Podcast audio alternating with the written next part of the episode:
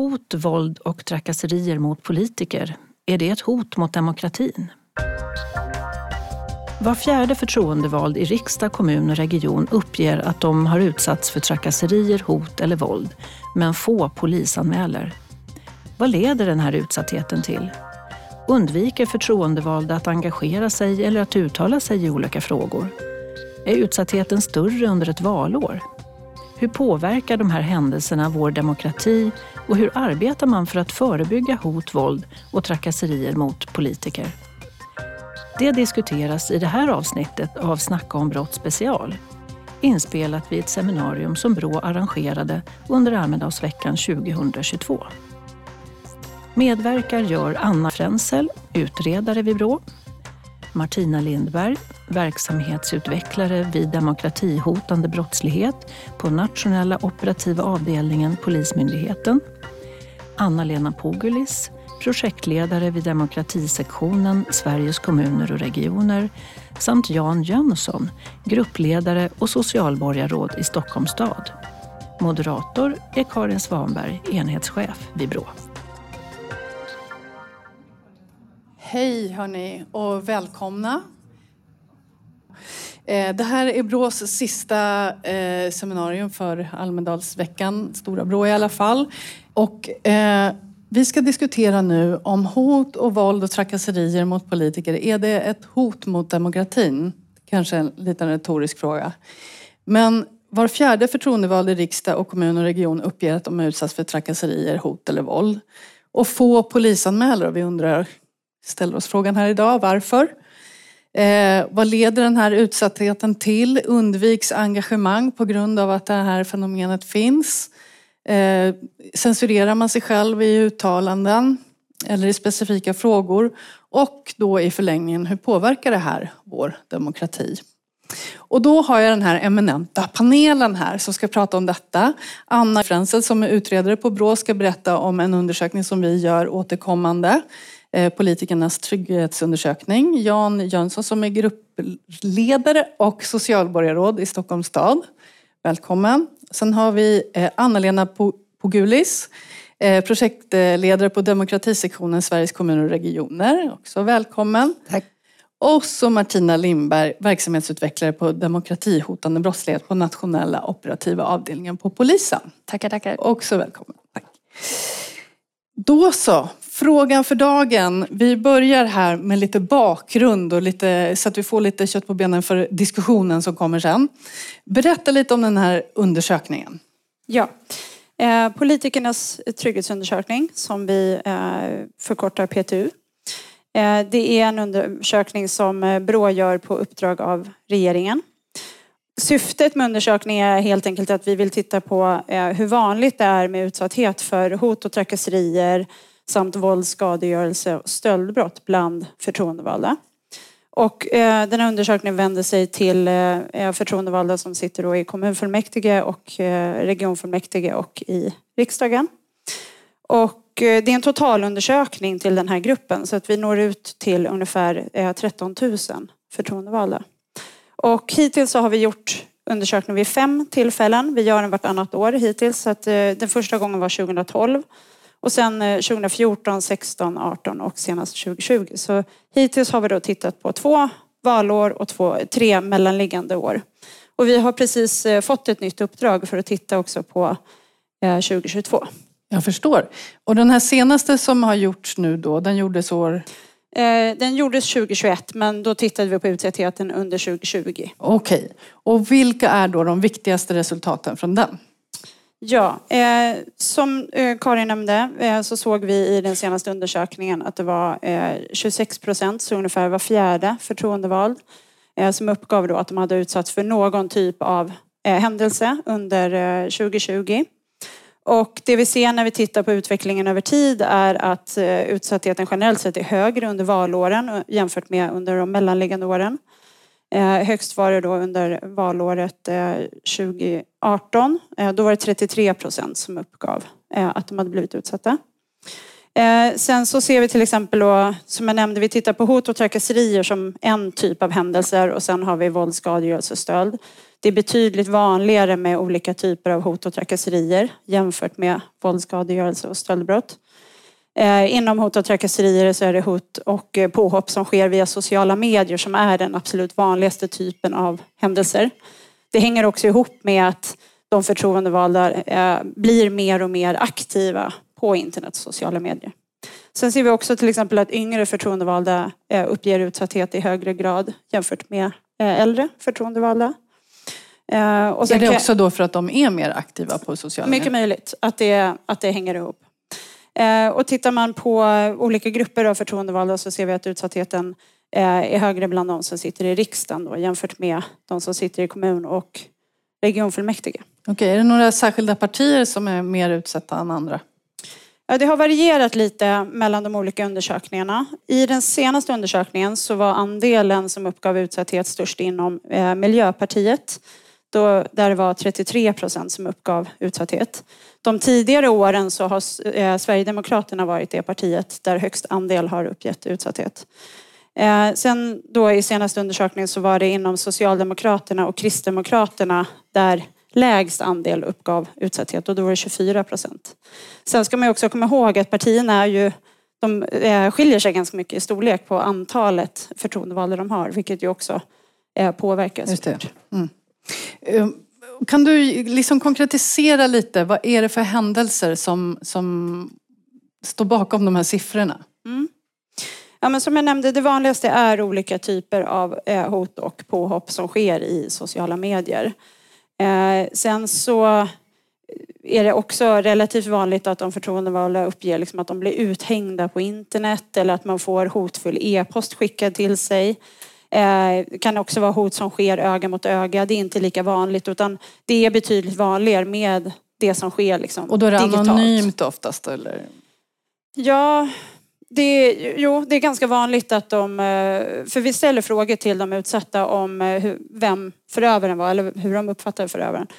Och det är ganska vanligt att de utsatta då uppger att de inte har någon uppfattning om huruvida vem, vem det var. Och när de har en uppfattning, vilka är det som vad säger de då om dem? Eh, då säger de oftast att eh, gärningspersonen var en man och att det var en person som agerade ensam utifrån då det som har framkommit. Här ska man komma ihåg just att när vi ställer de här frågorna så är vi noga med att poängtera att det handlar ju om de förtroendevaldas egna upplevelser, både av händelsen men också deras egna upplevelser av vem eh, förövaren var.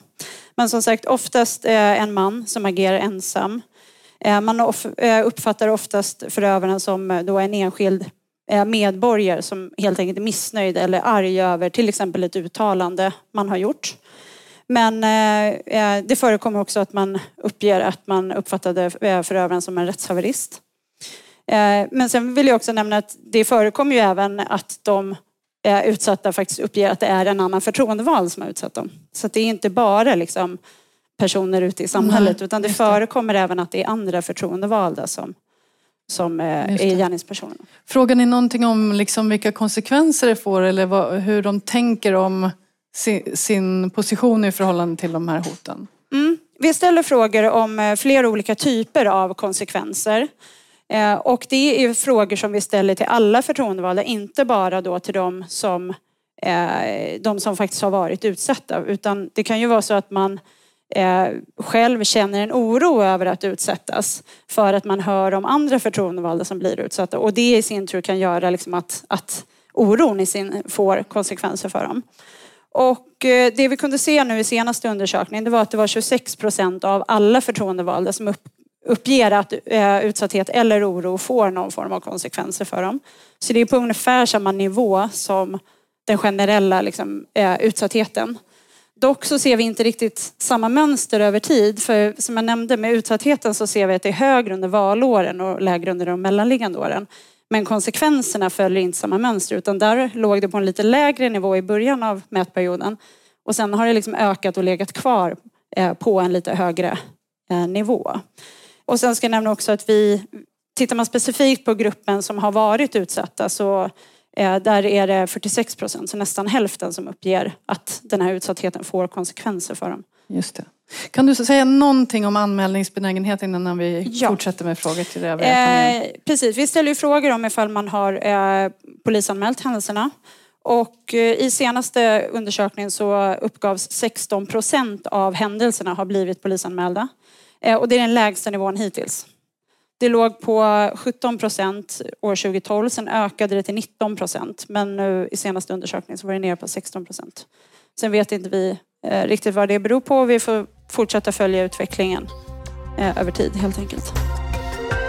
Bra, tack. Då har vi fått en liten eh, recap här av ungefär hur läget ser ut. Eh, och då så ska vi ställa lite frågor till panelen här, vad som händer inom olika respektive områden. Om vi börjar med SKR, Anna-Lena. Ni arbetar med det här och hur gör ni det? Ja, vi arbetar väldigt brett med den här frågan och har ju också engagerat SKR under lång tid. Och vi samverkar ju såväl med polisen som med Brå också över tid och med många andra aktörer. Men först vill jag som ändå börja med att ta problemet från ett annat håll och säga att SKR tycker att det är helt oacceptabelt att medborgarnas företrädare som de har valt i allmänna val ska utsättas för hot och hat och våld i sitt demokratiska uppdrag. Och det utgör ju också en negativ konsekvens för allmänheten och de väljare som har gått till valurnan och lagt sin röst på det här. Och utsattheten leder ju naturligtvis både till otrygghet och rädslor och eh, eh, som finns. Det leder till självcensur, det leder också till avhopp, men det leder ju också till utmaningar att rekrytera nya som är villiga att ta förtroendeuppdrag. Och på det sättet så påverkar det ju också absolut vårt demokratiska system och det påverkar demokratin i det samhälle som vi bor, verkar och lever i, tänker jag. Kan du, eh. kan du exemplifiera lite vad det som kommer till er? Vad, vad uppger man att man utsätts för? Ja, vi möter ju de förtroendevalda brett. Vi, vi möter ju många så att säga i intervjuer, i, i, i, olika sammanhang och i möten och i utbildningar som vi har naturligtvis. Och jag skulle kunna tänka att, att det påverkar ju på tre olika sätt. Det påverkar det egna uppdraget i och med att det leder till självcensur. Eh, man avstår från att uttala sig och man avstår från att säga sina åsikter. Det är den vanligaste konsekvensen och det är ju samma för journalister och jag hörde här idag att det är samma också för forskare att det är den konsekvensen. Och den är ju väldigt allvarlig. Om vi har förtroendevalda som inte kan säga sin åsikt så, så blir det ju komplext naturligtvis naturligtvis också så att det förekommer ju också även otillåten påverkan i deras beslut. Sen så påverkar det naturligtvis personen, det påverkar det närstående och det påverkar livet. Om jag bara tar, jag tänker att du kommer säkert att ta en del exempel i det, men om jag tar eh, det här näthatet som förekommer är ju så att som förtroendevald Tidigare så kanske man påverkades i sitt uppdrag mellan 8 och 5 eller mellan 8 och 8 eller sådär. Men idag är det ju så via de sociala medierna att man påverkas när man läser sagor för sina barn eller sina barnbarn, när man går på restaurang eller umgås med sina vänner, när man är ute och springer elljusspåret eller när man äter middag med sin familj i sitt hem, när man går och lägger sig på kvällen eller vaknar på morgonen. Och då är man inne i hemmet som också ska vara den trygga punkten. Så att det påverkar ju eh, de som utsätts över lång tid påverkas ju dygnet runt, året runt under väldigt lång tid. Du nämnde lite kort här om, om utbildningar. Är det det som ni gör för att kunna stödja upp det här? Eller vad, vad kan ni göra för att, att hjälpa till? Eh, ja, vi jobbar ju på väldigt bred front. Vi jobbar bland annat med att sprida kunskap och medvetenheter och där jobbar vi ju med utbildningar och seminarier och webbinarier på olika sätt och där förtroendevalda är med. Eh, men vi jobbar ju också med att eh, fördjupade studier och forskning. Och vi har nyss gjort en fördjupad studie på Brås material där vi har tittat djupare och ser ju att riskerna för att utsättas är ju 20 procent högre för kvinnor och fem gånger så hög för unga förtroendevalda. Men vi jobbar också med systematisk utveckling av stöd till våra medlemmar förstås. Och vi har då ganska nyss för, uppdaterat vår skrift Anmäl alltid hot, hat och våld som vi gör tillsammans med polisen. Men vi jobbar också med eh, det demokratiska samtalet och det hårdande samtalsklimatet. Och just nu så har vi då också en kampanj ute i SKR i sociala medier, både om citat och det kommer också att komma eh, filmer. Och den här kampanjen går då under Stå upp mot hatet. För vi tänker att alla har ett ansvar att vara med, att värna vår demokrati och att också stärka vår demokrati. Men sen jobbar vi förstås med intressebevakning. Så vi har förra veckan lämnat in en hemställan till regeringen att vi tycker att eh, Eh, lagstiftningen behöver skärpas så att kommuner och regioner både får kompetens och möjlighet att värna såväl demokratin i stort som enskilda förtroendevalda när något händer. Okej, tack så mycket. Vi återkommer säkert till dig lite senare. Martina Lindberg på polisen då. Eh, kan, vad händer rent konkret när en anmälan om brott mot en förtroendevald kommer in till polisen? Kan du berätta om det? Ja, nej men eh, det är ju så sen eh, här eh, tidigare i vår så har vi ju en speciell kod också, ett speciellt nummer som man kan ringa som förtroendevald. Eh, så att då får man dels liksom ett snabbspår in då och då pratar jag inte när man ringer 112 utan när man ringer vanligtvis då polisens kontaktcenter 114 14 men vi har ett särskilt telefonnummer då som har spridit via SKR men också genom Valmyndigheten. Så på det sättet så vill vi också både lyfta fram att vi tycker den här frågan är väldigt viktig men vi vill också försäkra oss om att vi då eh, man ska säga, vi, vi har ett system där vi taggar ärenden. Att de här ärendena taggas korrekt och utreds av resurs med särskild eh, kompetens. Så att det som händer det är att när man, när man ringer in då, det är att vi upprättar ju en polisanmälan och här vill jag ju understryka att man ska alltid anmäla, hellre anmäla liksom, än att man funderar på vad det där brottsligt eller inte, för det kommer vi att avgöra. Så att eh, anmäl oavsett, liksom, fundera inte på hur, hur allvarligt behöver det vara. Eh, och eh, sen så är det ju så att man upprättar polisanmälan, vi taggar det här då, eh, brottet då, om det har samband med valet och det är viktigt att poängtera att man tror att man blivit utsatt på grund av att man har ett förtroendeuppdrag. Men också då så är det jourhavande FU-ledare eller förundersökningsledare då som vidtar de initiala utredningsåtgärderna och sen läggs det på då den resursen som har särskild kompetens för att utreda just då det som vi kallar för demokratibrott. Just det, och vad är det då för särskild kompetens som behövs och på vilket sätt kan ni liksom stödja en utsatt politiker? Ja, ja men eh, jag tänker just utredningsmässigt så det beror ju helt och hållet på vad det är för typ av brott vi pratar om. Till att börja med så kan vi säga att mycket av det här tror jag som, som tyvärr som det här handlar om eh, kan i många hänseenden inte vara brottsligt, även om det är fruktansvärt att bli utsatt på det sättet. Det tror jag att vi ser över hela samhället, olika yrkesgrupper, även eh, polisanställda som blir uthängda på nätet och likväl lärare och andra. Så, att, så tyvärr så där, där kan det vara väldigt mycket som man kan göra förebyggande. Men när det väl är ett brott, då är det ju så att då har vi på, i storstadsregionerna så har vi det som vi kallar för demokrati och hatbrottsgrupper. Eh, och de har särskild kompetens för att utreda just brott mot förtroendevalda bland annat. Eh, och det handlar Vad är det för särskild kompetens? Jo men egentligen handlar det om att vi också prioriterar ärendet. För att ärendet i sig kan ju kanske vara eh, förhållandevis av låg, på låg straffskala. Om man säger om man jämför ett olaga hot med kanske en grov misshandel eller ett grövre brott. Så skulle ju det på lokalpolisområdet inte hanteras i samma prioordning. Så det handlar dels om att lyfta upp det här ärendet och, och låta det gå fortare genom systemet helt enkelt. Men också kan det ju vara så att vi behöver till exempel bevissäkra på internet. För att som ni sa så är det ju många brott som äger rum på nätet. Så det är ju kompetens som finns överallt men det går helt enkelt fortare och man har mer polad kompetens på de här grupperna. Och där det inte finns grupper då, i de övriga fyra polisregionerna, där finns särskilt utpekade utredare då eh, okay. som har den här kompetensen. Och, finns det då en farhåga hos de som anmäler att hotbilden blir större av att man anmäler? Ja. Det... Ja, men jag tror att det kanske finns en sån rädsla eh, kring många brott eh, och att man anmäler brott. Det är ju inte unikt för just förtroendevalda situation. Många kanske inte vågar vittna idag.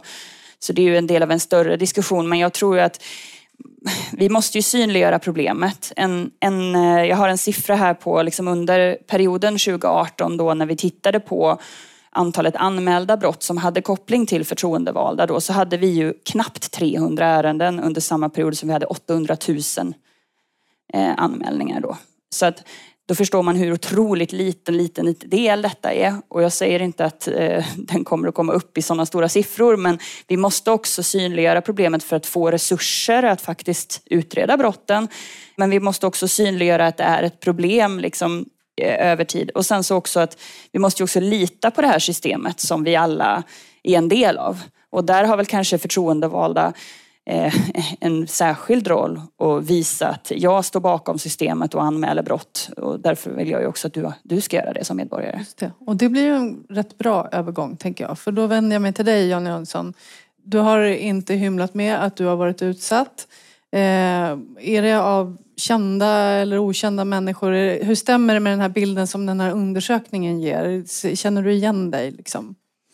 Jo, men det skulle jag nog säga. Det, för min del har det bara varit okända människor. Jag har ingen aning om eh, vilka de här eh, är och eh, jag ska också säga det att jag har aldrig blivit utsatt av någonting liksom så här ansikte mot ansikte, tack och lov. När människor kommer fram i tunnelbanan, vilket hör, eh, faktiskt händer titt som tätt, så är det nästan alltid för att säga så här, oh, jag vill bara säga att det är så roligt att läsa om dig och sådär. Så det är ju väldigt kul. Och sen får man väl också, eh, tänker jag, särskilja på det som är berättat berättigad så att säga, kritik som allmänheten har rätt att framföra på beslut som de inte gillar. Eh, jag jobbar med socialtjänstfrågor. Det handlar om människor som lever i utsatthet, som kan vara helt förtvivlade.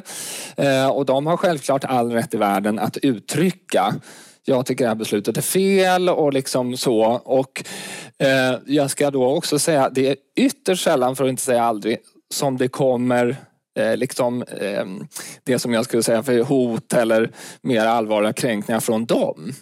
De uttrycker mer sin förtvivlan och då får man ju ta på sin roll att försöka guida dem rätt och hur kan du överklaga och anmäla och sådär. Det här eh, som jag då har blivit utsatt för på andra sätt, det har ju handlat om eh, kränkande filmer, eh, hotmeddelanden via mobilen, som då går direkt till liksom min privata mobil. Eh, mail som har en massa ord om hur jag ser ut och etc. som jag inte tänker upprepa här. Eh, eh och eh, väldigt ofta har det varit kopplat till att de har hört, läst eller sett någonting på alternativmedier. Och som då liksom är helt falskt men där de tror att den bild de har fått är sann. Just det, jag tänker på um vi pratar här om anmälningsbenägenheten. Du har ju valt att anmäla. Var det, eh, liksom, kom det spontant direkt eller funderade du över det innan du gjorde det beslutet?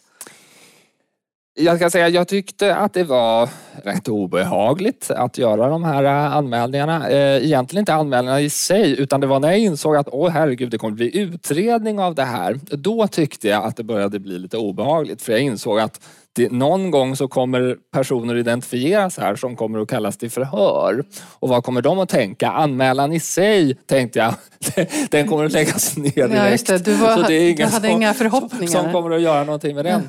Eh, och varför jag tyckte det var viktigt? Ja, jag har jobbat som rektor och lärare egentligen i hela mitt liv fram till det här och har alltid sagt till elever och till personal, det är självklart att vi anmäler. Jag har eh, varit ganska aktiv liksom i mitt område där jag bor, att ringa till polisen när det händer saker utanför mitt fönster, vilket det tyvärr sker eh, i det utsatta området som jag bor. Eh, om inte jag som politiker gör det så kommer ju inte våra medborgare heller att våga anmäla och då kommer ju hela rättssystemet att rasa ihop. Så jag kände att jag har liksom inget val utan man måste göra det. Mm. Och förutom att anmäla så har du ju också, precis som idag, valt att prata öppet om det och medialt och så. Har det också varit eh, ett självklart val för dig att vara så öppen med det som du har varit? Nej, det har det däremot inte varit. Ehm, eh, vi höll ju väldigt, väldigt tyst om det här eh, ända fram tills det visade sig att ehm, alla blev friade i den första rättegången. Och då var det Dagens Nyheter som hörde av sig och frågade, vill du prata om det här? Och jag tänkte i eh, en vecka tror jag, om jag verkligen skulle säga det. Därför att vår säkerhetsavdelning har egentligen sagt, prata inte om saker ni blir utsatta för, för det kan liksom väcka saker eh, hos andra. Men jag kände att eh, just de grejerna som hade drivits till till domstolen då och det ändå inte resulterade i någonting, det behövde uppmärksammas. Hur, hur hade du, eh, liksom, jag förstår att du skulle velat att det gick på ett annat vis i den här rättegången. Finns det något som man hade kunnat göra annorlunda tror du för att det skulle fått en annan utgång? Väldigt svårt att säga. Jag minns ju att jag tyckte att det var väldigt konstigt i eh, tingsrättsförhandlingarna att jag aldrig överhuvudtaget hade pratat med den här åklagaren och att den dessutom inte ställde några frågor överhuvudtaget utan det var liksom som om det här var ett rutinärende som bara skulle dras igenom och sen så blev det inte så. Eh, när vi kom till hovrätten så hade jag ju inte heller träffat en eh, åklagaren och jag frågade honom så här, men hur tror du att det här kommer att gå? Och han säger så här, det här är ett solklart fall. Jag har haft massor med sådana här fall så det kommer bara att gå. Och de hänvisade i princip till det inspelade materialet.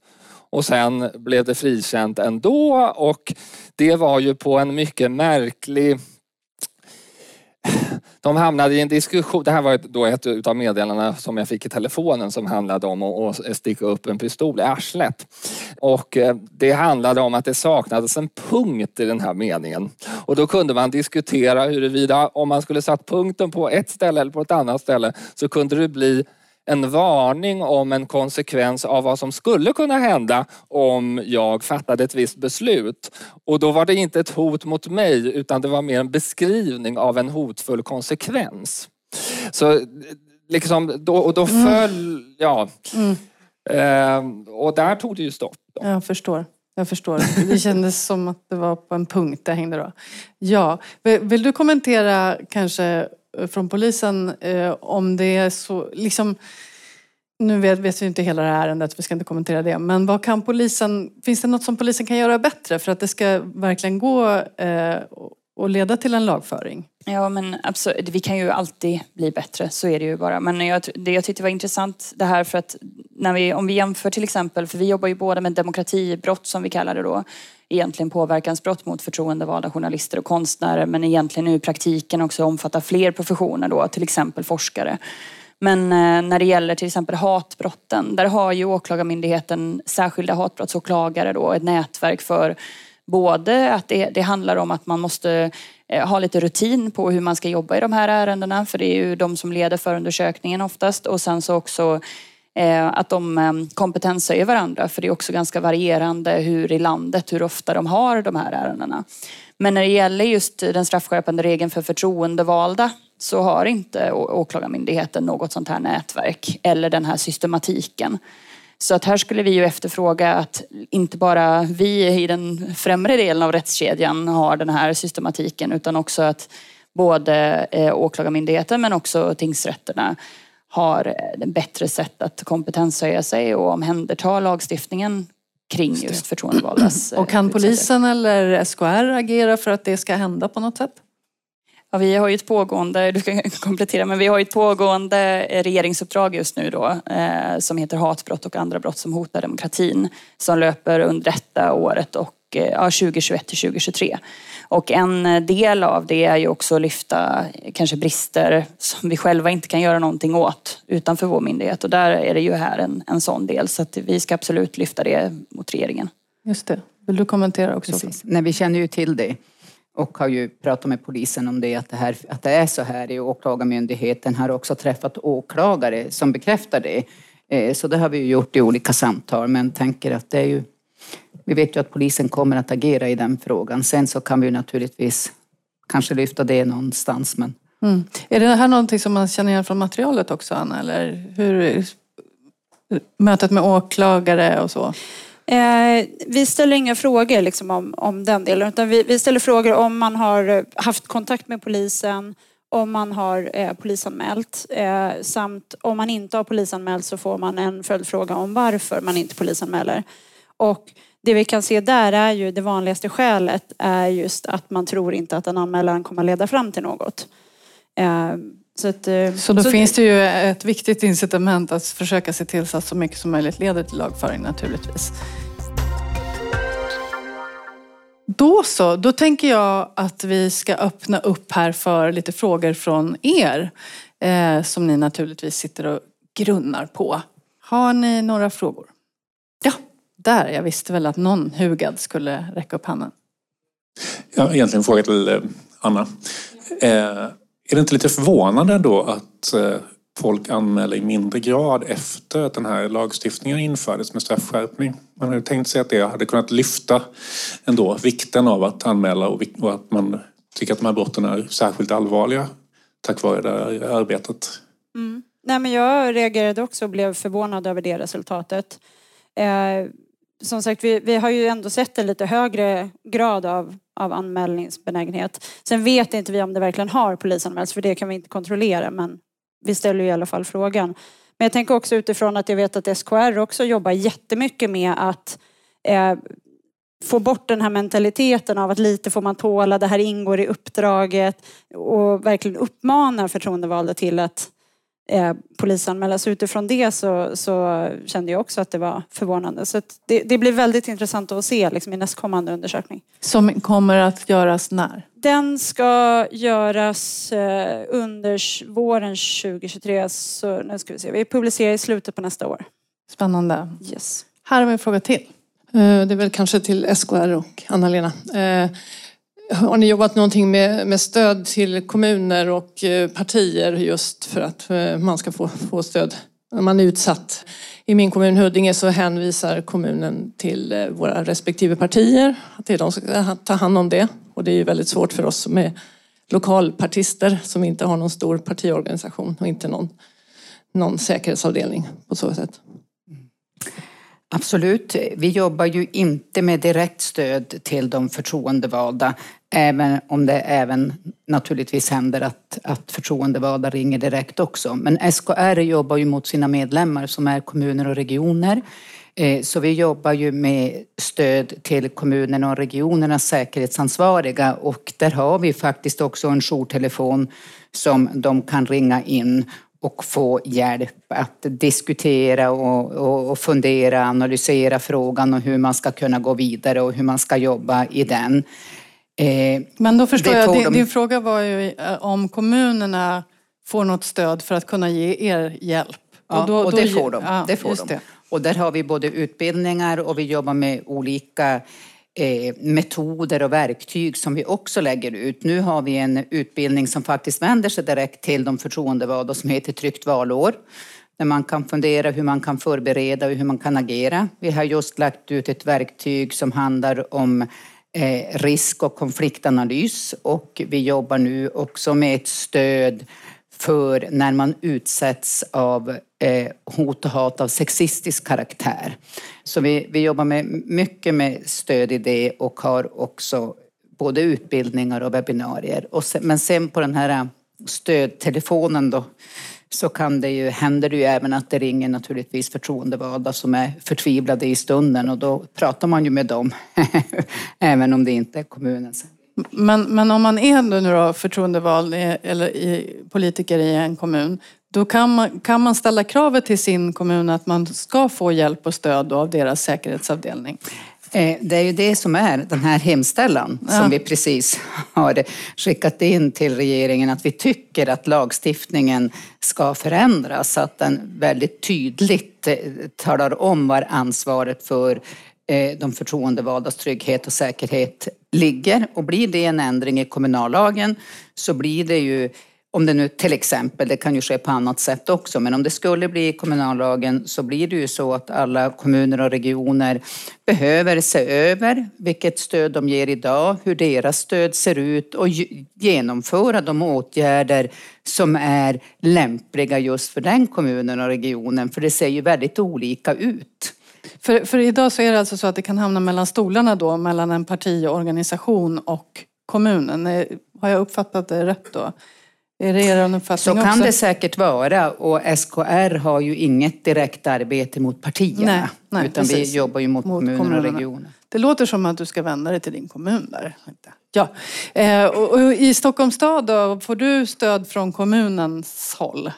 Vi har ju en väldigt bra och eh, utvecklad säkerhetsavdelning eh, och de har ju även hjälpt till med att göra jag minns under den här liksom, rättegångsprocessen så gjorde de analyser på de här personerna som liksom var inblandade. Så här. Vi har även möjlighet att få personskydd och larmpaket och lite annat sånt. Så det har inte varit något problem alls. Det som, som jag däremot så här i efterhand skulle ha önskat och som jag har diskuterat med en del andra politiker just i Stockholm om är att om ett ärende går vidare till hovrätten då har man inte med automatik plötsligt rätt till något målsägandebiträde längre.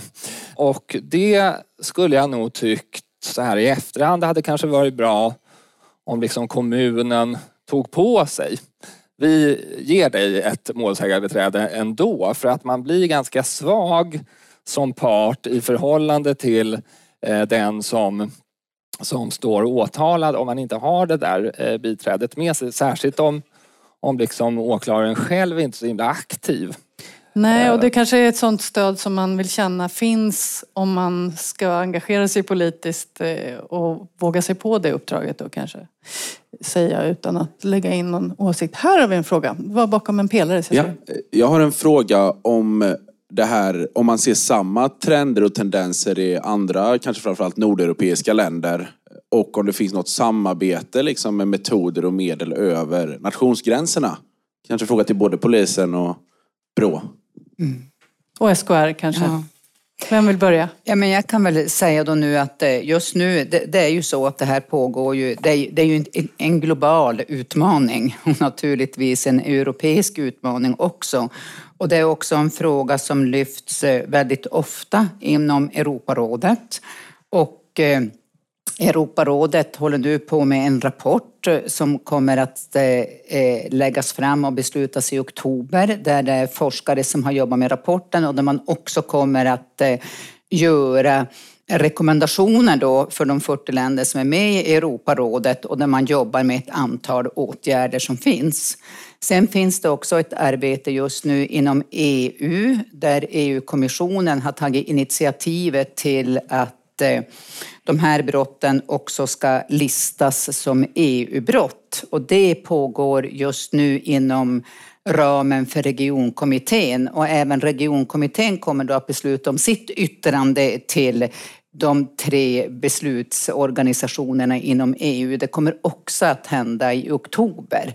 Så det kommer ju att ske. Sen inom SKR så har vi ett stort eh, nätverk och arbete också inom de nordiska länderna där vi utbyter erfarenheter och så. Så att det, det, det finns. Herregud, och nästan vi, vi vimsade bort mig i byråkratins Ja. alla eh, kamrar där. Det var många vad- olika polisen, har ni något utbyte med internationellt runt det här? Jo, men det har vi. Det har vi. vi har både samarbete i Norden eh, men också eh, inom Europa. Eh, Men i och med att vi har lite olika liksom, straffrättsliga system när det gäller det här så är det svårt kanske att ta fram några konkreta gemensamma metoder och sådär. Men det är väl en gemensam utmaning och lite som du var inne på det Anna-Lena, just kring det här med också sociala, platt, sociala medieplattformarna, vad de kan göra för också kanske att stävja mycket som då kanske går bortom yttrandefrihetens gränser. Gör de det då?